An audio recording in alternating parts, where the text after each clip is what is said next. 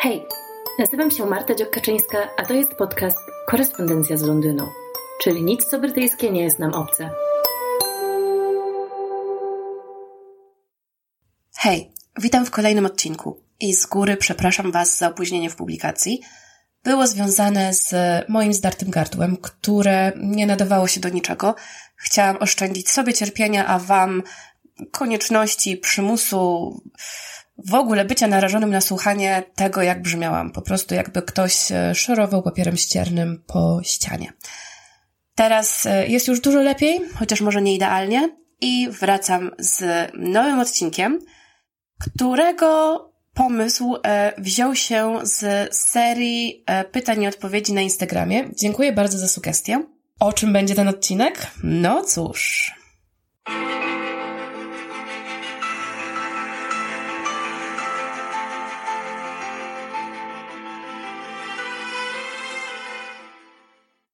Tym, czy warto lub nie warto oglądać Downton Abbey.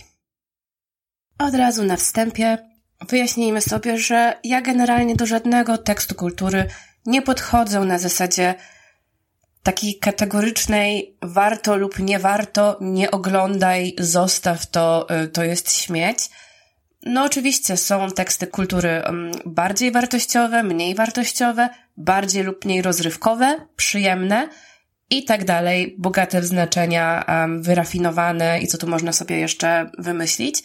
Natomiast generalnie to wszystko jakby dotyczy preferencji.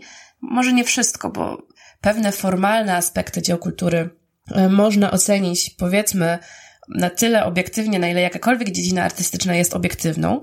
Natomiast e, nie powiem raczej niemalże nigdy, żeby czegoś nie oglądać, bo nie.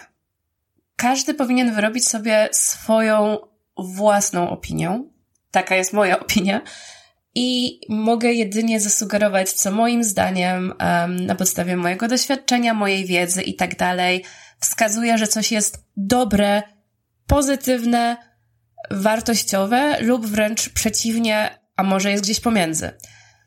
Jeśli chodzi o Downton Abbey, no to będzie właśnie taki przypadek. Wiem, że może niektórzy z Was są uczuleni na takie określenie, natomiast ten serial jest problematyczny. Na początku swojego istnienia był może nieco mniej problematyczny niż obecnie, lub niż stał się po prostu po tych e, wielu latach. E, zresztą już teraz minęło wiele lat od, od emisji nawet ostatniego sezonu. I o ile na początku można byłoby jeszcze stwierdzić, że to jest taka eskapistyczna bajka, wiem, że wiele osób podchodzi do, do tego serialu właśnie w ten sposób, e, eskapizmu, przyjemności. Wiecie, w 2023 roku moim zdaniem to już eskapizmem nie jest. Jest ewentualnie niebezpieczną iluzją. I dzisiaj będę starała się Wam wyjaśnić, o co mi chodzi.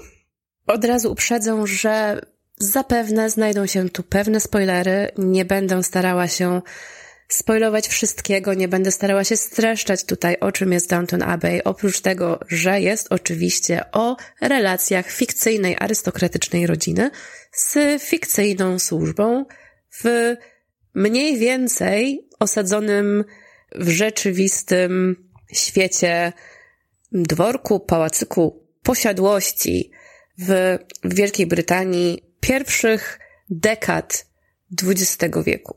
Ale pewnie duże mm, spoilery się pojawią, na zasadzie spoilery dużych wydarzeń.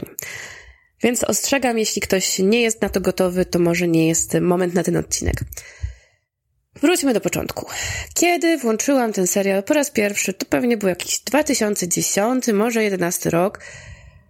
Być może oglądałam go na nielegalu. Jest to wielce prawdopodobne, bo Wtedy chyba jeszcze w ogóle nie było serwisów streamingowych, a dopiero zaczęły wchodzić kilka lat później i to tak dość powoli. No, po pierwszym odcinku Downton Abbey to wpadłam jak śliwka w kompot, tak? Jak wielu z nas. Po prostu rewelacyjna obsada. Estetyczne wnętrza, kostiumy, wydumane problemy wyższych sfer i wiernie ich wspierająca służba. No czego tu nie lubić? Cięte teksty um, granej e, przez Maggie Smith, e, Violet Grantham rządziły internetem. Jakby to były memy swoich czasów.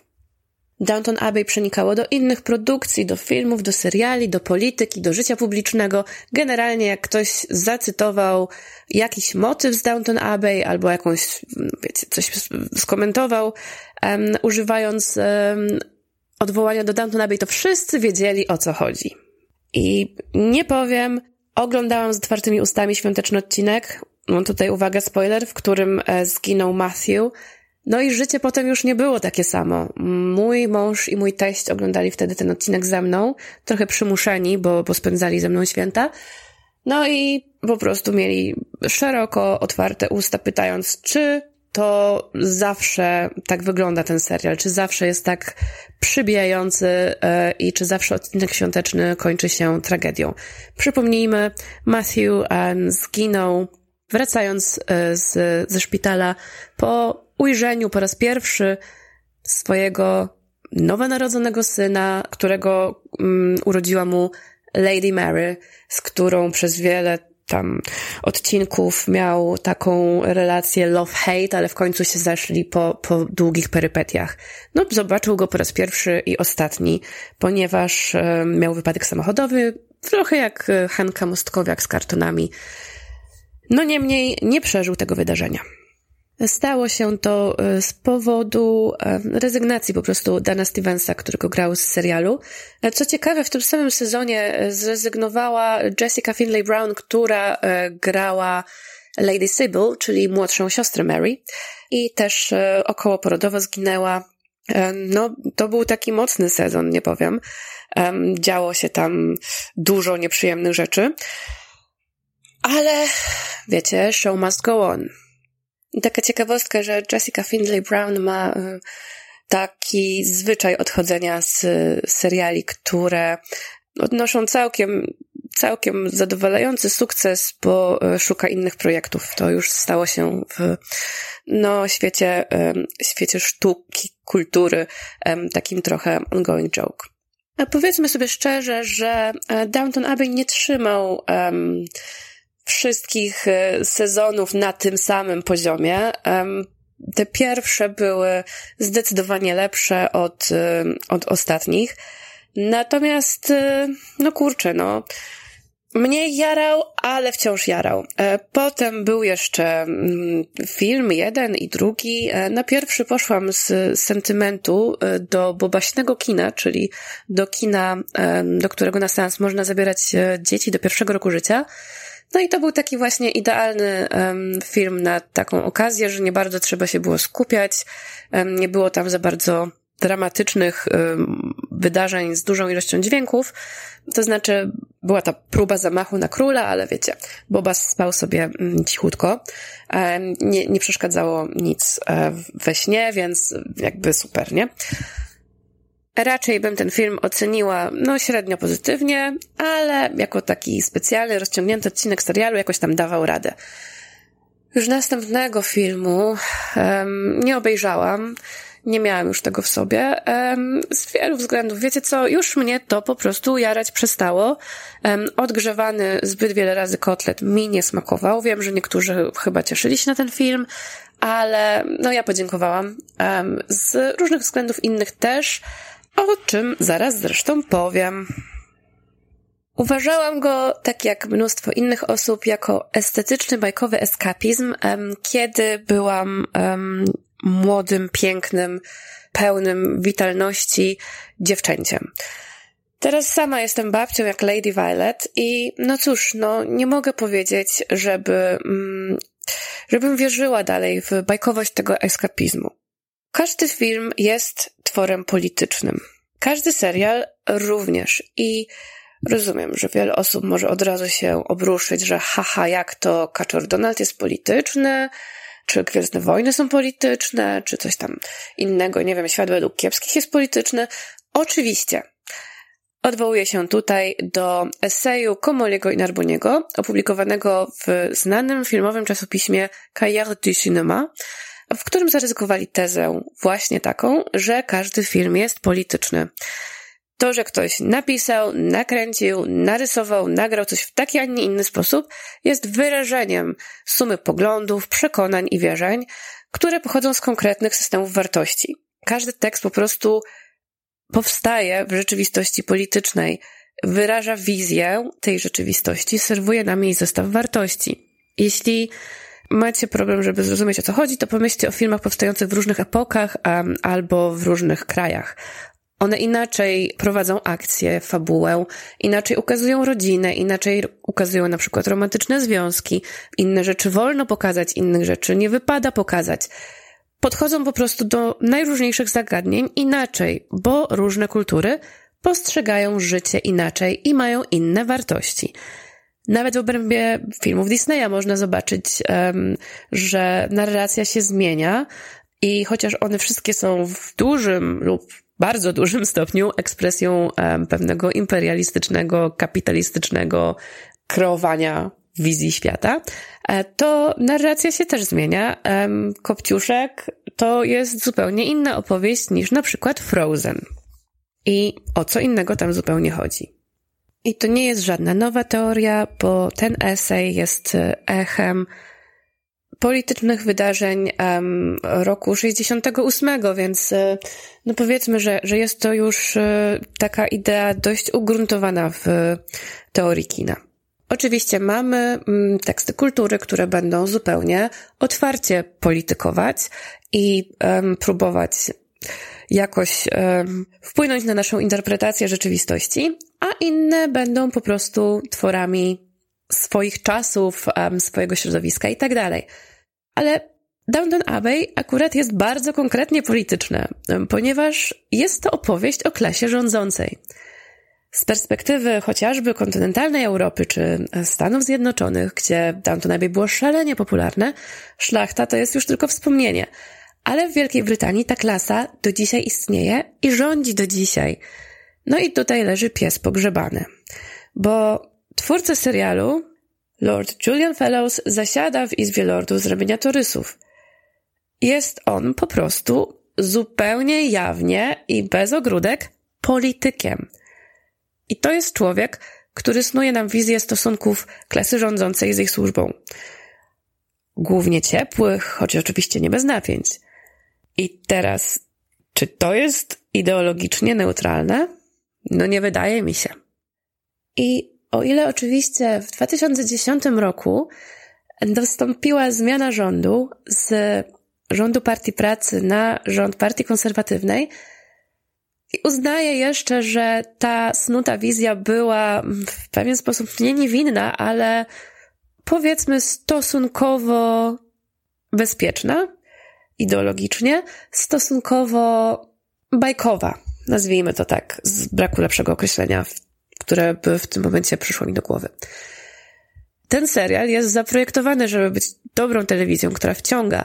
To znaczy, no tutaj jeszcze definicja, co jest dobrą telewizją, tak? Czy są to jakieś mroczne, szekspirowsko dramatyczne klimaty, czy zahaczające jakąś antyczną tragedię, um, głębokie, ciemne treści, um, czy na przykład bajka o arystokratach, w której jest mnóstwo melodramatyzmu, to już jest um, kwestia osobnej dyskusji, no ale ogląda się to dobrze.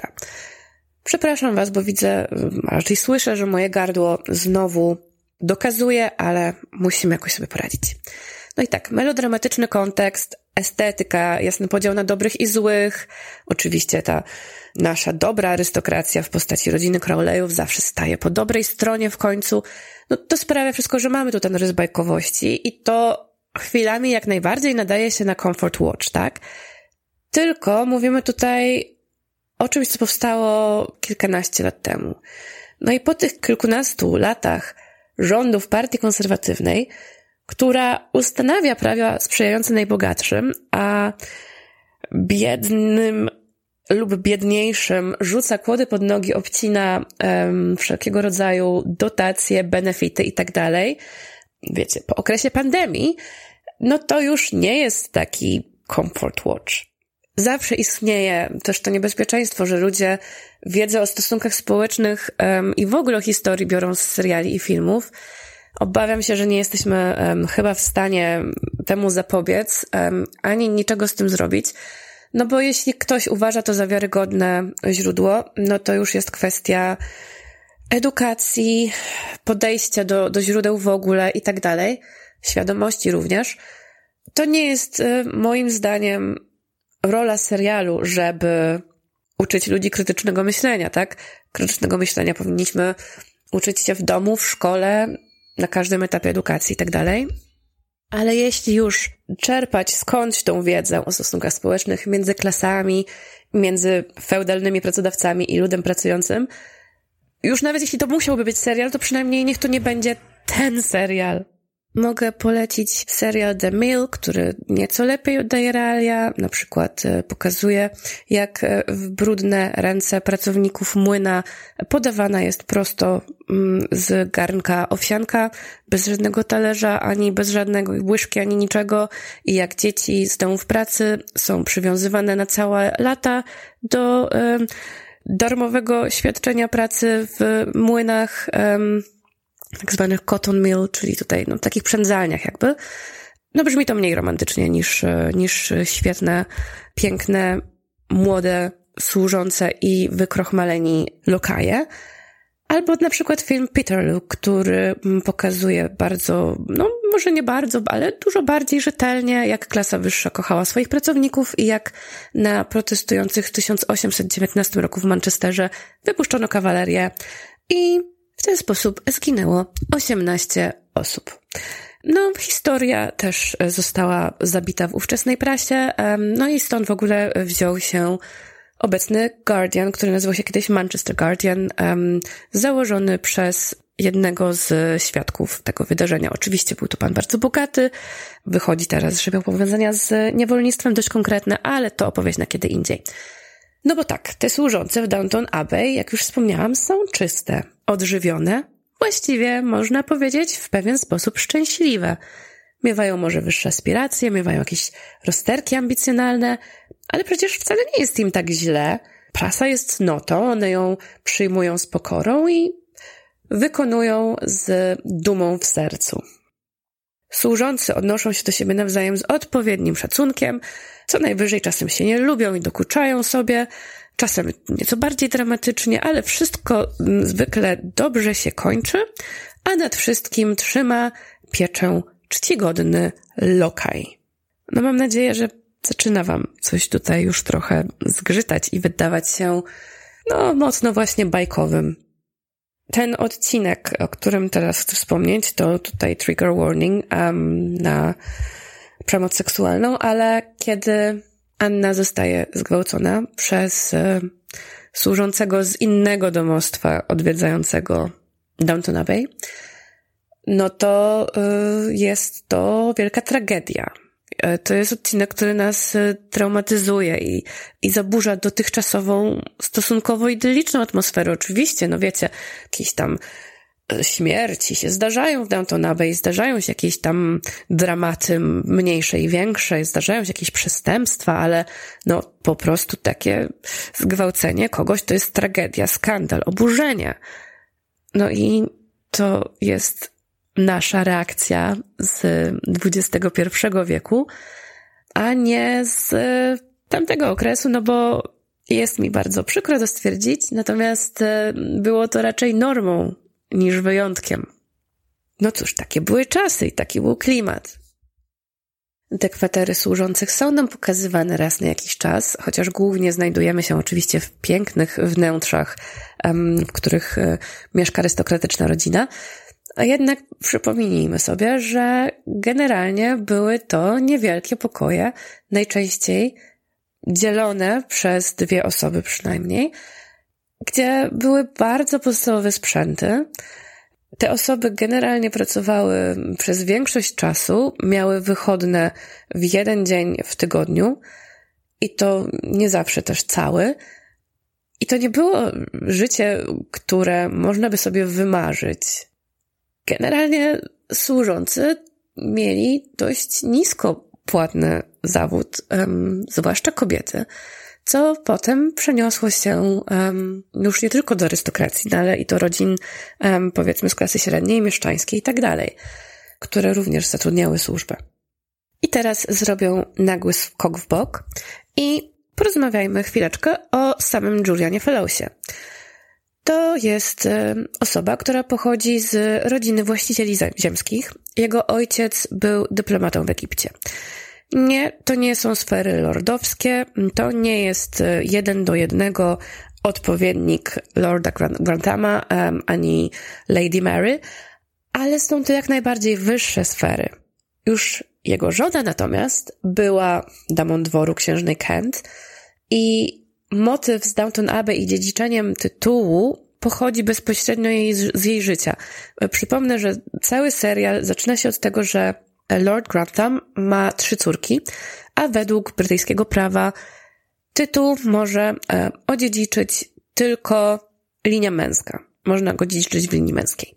E, więc e, Lord Grantham próbuje, to znaczy jego córka zamierza wyjść za mąż za jakiegoś swojego tam dalszego kuzyna, który jest właśnie dziedzicem tego tytułu, tylko że ten kuzyn ginie na Titaniku no to już jest taki, wiecie, no mocny, mocny melodramatyczny wstępniak, taki policzek na wejście.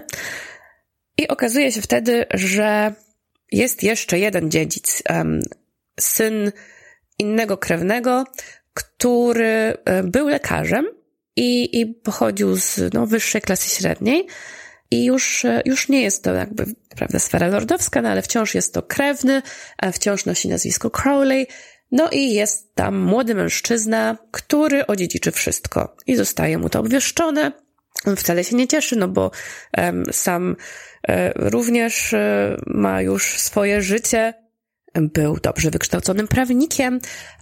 no i po co mu właściwie jakieś tam tytuły i tak dalej, i tak dalej. I bardzo snobistyczna rodzina. No niemniej um, przybywa do Downton um, Abbey, żeby spędzić tam trochę czasu, poznać e, swoją nową rodzinę. Um, zakochuje się w Lady Mary, tam mają mnóstwo e, sporów i tak dalej, e, sporów też rodzinnych, ideologicznych. Matka Matthew, bo jego ojciec już nie żyje, to jest kobieta, która była prostą pielęgniarką. oczywiście jest zamożna ze względu na to, że jej mąż był zamożnym doktorem, no ale jednak nie jest to niezwykle wytworna e, osoba typu no, chociażby właśnie Lady Violet granej przez Maggie Smith i one się tam, no mają taki, no, określiłabym to jako bromance, ale one są kobietami, więc e, taka no, sister romance powiedzmy. Generalnie dogryzają sobie, są jak pies z kotem, ale wiecie, w ciężkich chwilach zawsze mogą na siebie liczyć. No i wróćmy do tego, że cały ten problem dotyczył jak najbardziej żony Juliana Fellowsa. Ona nie mogła odziedziczyć um, tytułu hrabowskiego po swoim wuju, który nie miał żadnych męskich potomków. W ogóle okazało się, że w rodzinie nie ma męskich potomków e, ani dziedziców i tytuł przepadł. No i dodajmy też, że ta żona redagowała scenariusz. No i jakby co w tym złego? Jakby o co się czepiam? Czyli jest to generalnie oparte na faktach. Taka sytuacja miała miejsce, chociaż już w, no, grubo w drugiej połowie XX wieku. No więc generalnie jest realistycznie, tak? I w ogóle co w tym złego? Kiedy ten 1% społeczeństwa najzamożniejszy pisze historię o sobie i o tym, jak traktuje swoich podwładnych, to jest tekst polityczny. No jakby nie da się uciec od tego. Powiecie, że to rozrywka. No może i tak, ale mnie to ciężko jest uznać za niewinną rozrywkę, jeśli potraktujemy to jako opowieść klasy wyższej o sobie i bajkę, którą oni sobie snują na własny temat, to w porządku. Ale jest to jak najbardziej ideologiczna opowieść. Mnie to ciężko widzieć już jako przyjemny eskapizm. No i jest to troszeczkę jak poleganie na przekazach Rzymian dotyczących ludów germańskich, z którymi walczyli. No powiedzmy, że one są przynajmniej nieobiektywne, tak? Że te ludy germańskie po pierwsze nazywamy barbarzyńcami, a po drugie one są zawsze niedobre, okrutne, nie takie wsiakie i owakie jak Rzymianie, bo Rzymianie są dobrzy, a one są złe, tak? Tutaj mamy wyjściową sytuację, że ten 1% społeczeństwa, to takie, wiecie, śmietanka absolutna ze szczytów, jest dobra, więc wszystko, co się dzieje, musi być dobre, więc oni traktują służbę dobrze. Nawet jak czasami zrobią źle, to w końcu wszystko na koniec będzie dobrze. I no, to już jest taki troszeczkę problem, przynajmniej dla mnie. Aktorzy bardzo znani, tacy jak James McAvoy i Christopher Eccleston, od y, długiego czasu mówią otwarcie o innym zagadnieniu. Żeby teraz zostać aktorami, no to um, najłatwiej jest dostać się do tego grona brytyjskiej um, śmietanki aktorskiej, będąc absolwentem Oxfordu lub Cambridge. To są um, dwaj aktorzy, którzy akurat pochodzą z bardzo um, środowisk e, klasy robotniczej, więc um, oni twierdzą, że był taki moment, no generalnie powiedzmy, że szanse były nieco bardziej wyrównane, że było więcej środków na wspieranie młodych osób, które chciałyby e, spełniać się artystycznie. Obecnie oczywiście um, różne instytucje są zamykane. Właśnie Christopher Ecclestone um, wypowiadał się niedawno odnośnie zamknięcia jednego z y, północnych teatrów i nawet w Downton Abbey nawet służąca grana jest przez prawdziwą arystokratkę z zamkiem. Rose Leslie, która e, grała e, w Downton Abbey. Możecie ją też kojarzyć z Gry o Tron, gdzie grała Ygritte um, i która jest prywatnie obecnie żoną Kita Harringtona, czyli Jona Snow. E, to jest jak najbardziej arystokratka i to tak, um, no wiecie, naprawdę jej rodzina ma zamek z XII wieku nawet i sobie dzisiaj, do dzisiaj ta rodzina w nim mieszka. No, zgrzytnie, tak y, trochę dziwnie. Downton Abbey to w ogóle jest taka opowieść, jakby Trump nakręcił Gossip Girl, albo jak pisowska telewizja po latach radykalnych cięć wydatków socjalnych, po przewałach pieniędzy podczas pandemii i tego, że było jedno prawo dla plepsu, a inne dla partii rządzącej i Boris Johnson do dzisiaj um, jeszcze wyjaśnia, czy on wiedział, że łamie zasady, e, czy on mógł mieć urodziny z winem i serem, czy to było party, czy to nie było party, czy można było złamać zasady lockdownu, czy nie. No wiecie, jakby w tym samym czasie ludzie nie mogli zobaczyć swoich dzieci czy swoich rodziców, którzy umierali w szpitalach. Nie można było w wielu szpitalach, no, rodząca musiała być sama bez osoby towarzyszącej przy porodzie, co tutaj jest e, jakby generalnie zupełną normą bo COVID, a wiecie, no, Boris Johnson sobie robił imprezę z winkiem i serkiem i dali mu tort urodzinowy. No powiedzmy, że przy tych wszystkich sprawach, które są notabene wynikiem działalności partii konserwatywnej, do której należy Julian Fellows, z której ramienia on jest w Izbie Lordów, no dla mnie ten czar bajkowej opowieści o szlachcie wydaje się dużo mniej czarujący. No i pamiętajmy, Fellows reprezentuje partię, która przeprowadziła Brexit, w której interesie jest dezintegracja praw pracowniczych. Mnóstwo osób, które są właścicielami jakichś korporacji i tak dalej, i tak dalej, e, i zatrudnia mnóstwo ludzi, e, ma interesy w tym, żeby te prawa pracownicze nie były chronione tak, jak były za czasów Unii Europejskiej, tak? Według Guardiana e, w pierwszych siedmiu latach rządów Torysów tak zwana gig economy zwiększyła się o 70%. Wiecie, to są też czasy, że wielu osobom odpowiadała taka sprawa. Były to też czasy oczywiście rozwoju technologii. Um, można uznać, że część tego można po prostu zrzucić na karb, wiecie, taki mamy klimat i taka była epoka, ale nie wszystko. Myślę, że nie 70%. Znowu, w tym świetle opowieść o czarujących arystokratach, ich wspaniałych relacjach z służbą, no to już zakrawa w tym momencie o propagandę. I nie, absolutnie nie posądzam Fellowsa, że on sobie siedział w jakimś ciemnym kącie, sącząc, nie wiem, zatrute wino, myśląc, jak tutaj perfidnie wymyślić propagandowe dzieło, mające zniewolić umysły społeczeństwa. Nie, zupełnie nie sądzę nawet, że on jest złym człowiekiem, ani niemiłym, ani jakimś, wiecie, knującym, no chociaż jest torysem ale dobra. To oczywiście taki żart nieprzyjemny. ale posądzam go o to, że snuje baśń, która zawiera elementy fantastyczne, przedstawiające w jak najlepszym świecie to, czym on żyje i na czym jemu zależy. I z punktu widzenia Marty, która jest imigrantką z Polski, która nie należy bynajmniej do klasy wyższej, w ogóle może aspirować tylko do klasy średniej, to generalnie uważam, że nasze interesy są sprzeczne. I ja oczywiście nie zabraniam nikomu oglądać Downton Abbey, tak jak wspomniałam na samym początku.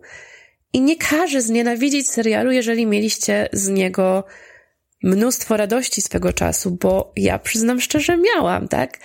Sprawiają mi mnóstwo frajdy. Uwielbiałam memy z Violet, tak?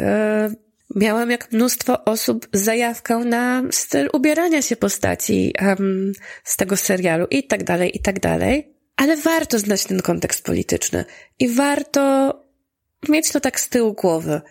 Jeżeli chcecie dalej oglądać Downton Abbey i jeżeli jest to dalej wasz comfort watch, to może po prostu w którymś momencie warto sobie zacząć na nowo myśleć o tych motywach, które się pojawiają i może spojrzeć na nie inaczej. Nie z nienawiści, nie dla zabrania sobie przyjemności, tylko dla otworzenia się na coś innego. No wiecie, dla mnie Downton Abbey jest obecnie jak przyjaciele. W swoim czasie bardzo lubiłam, dużo oglądałam, sprawiało mi wielką radość.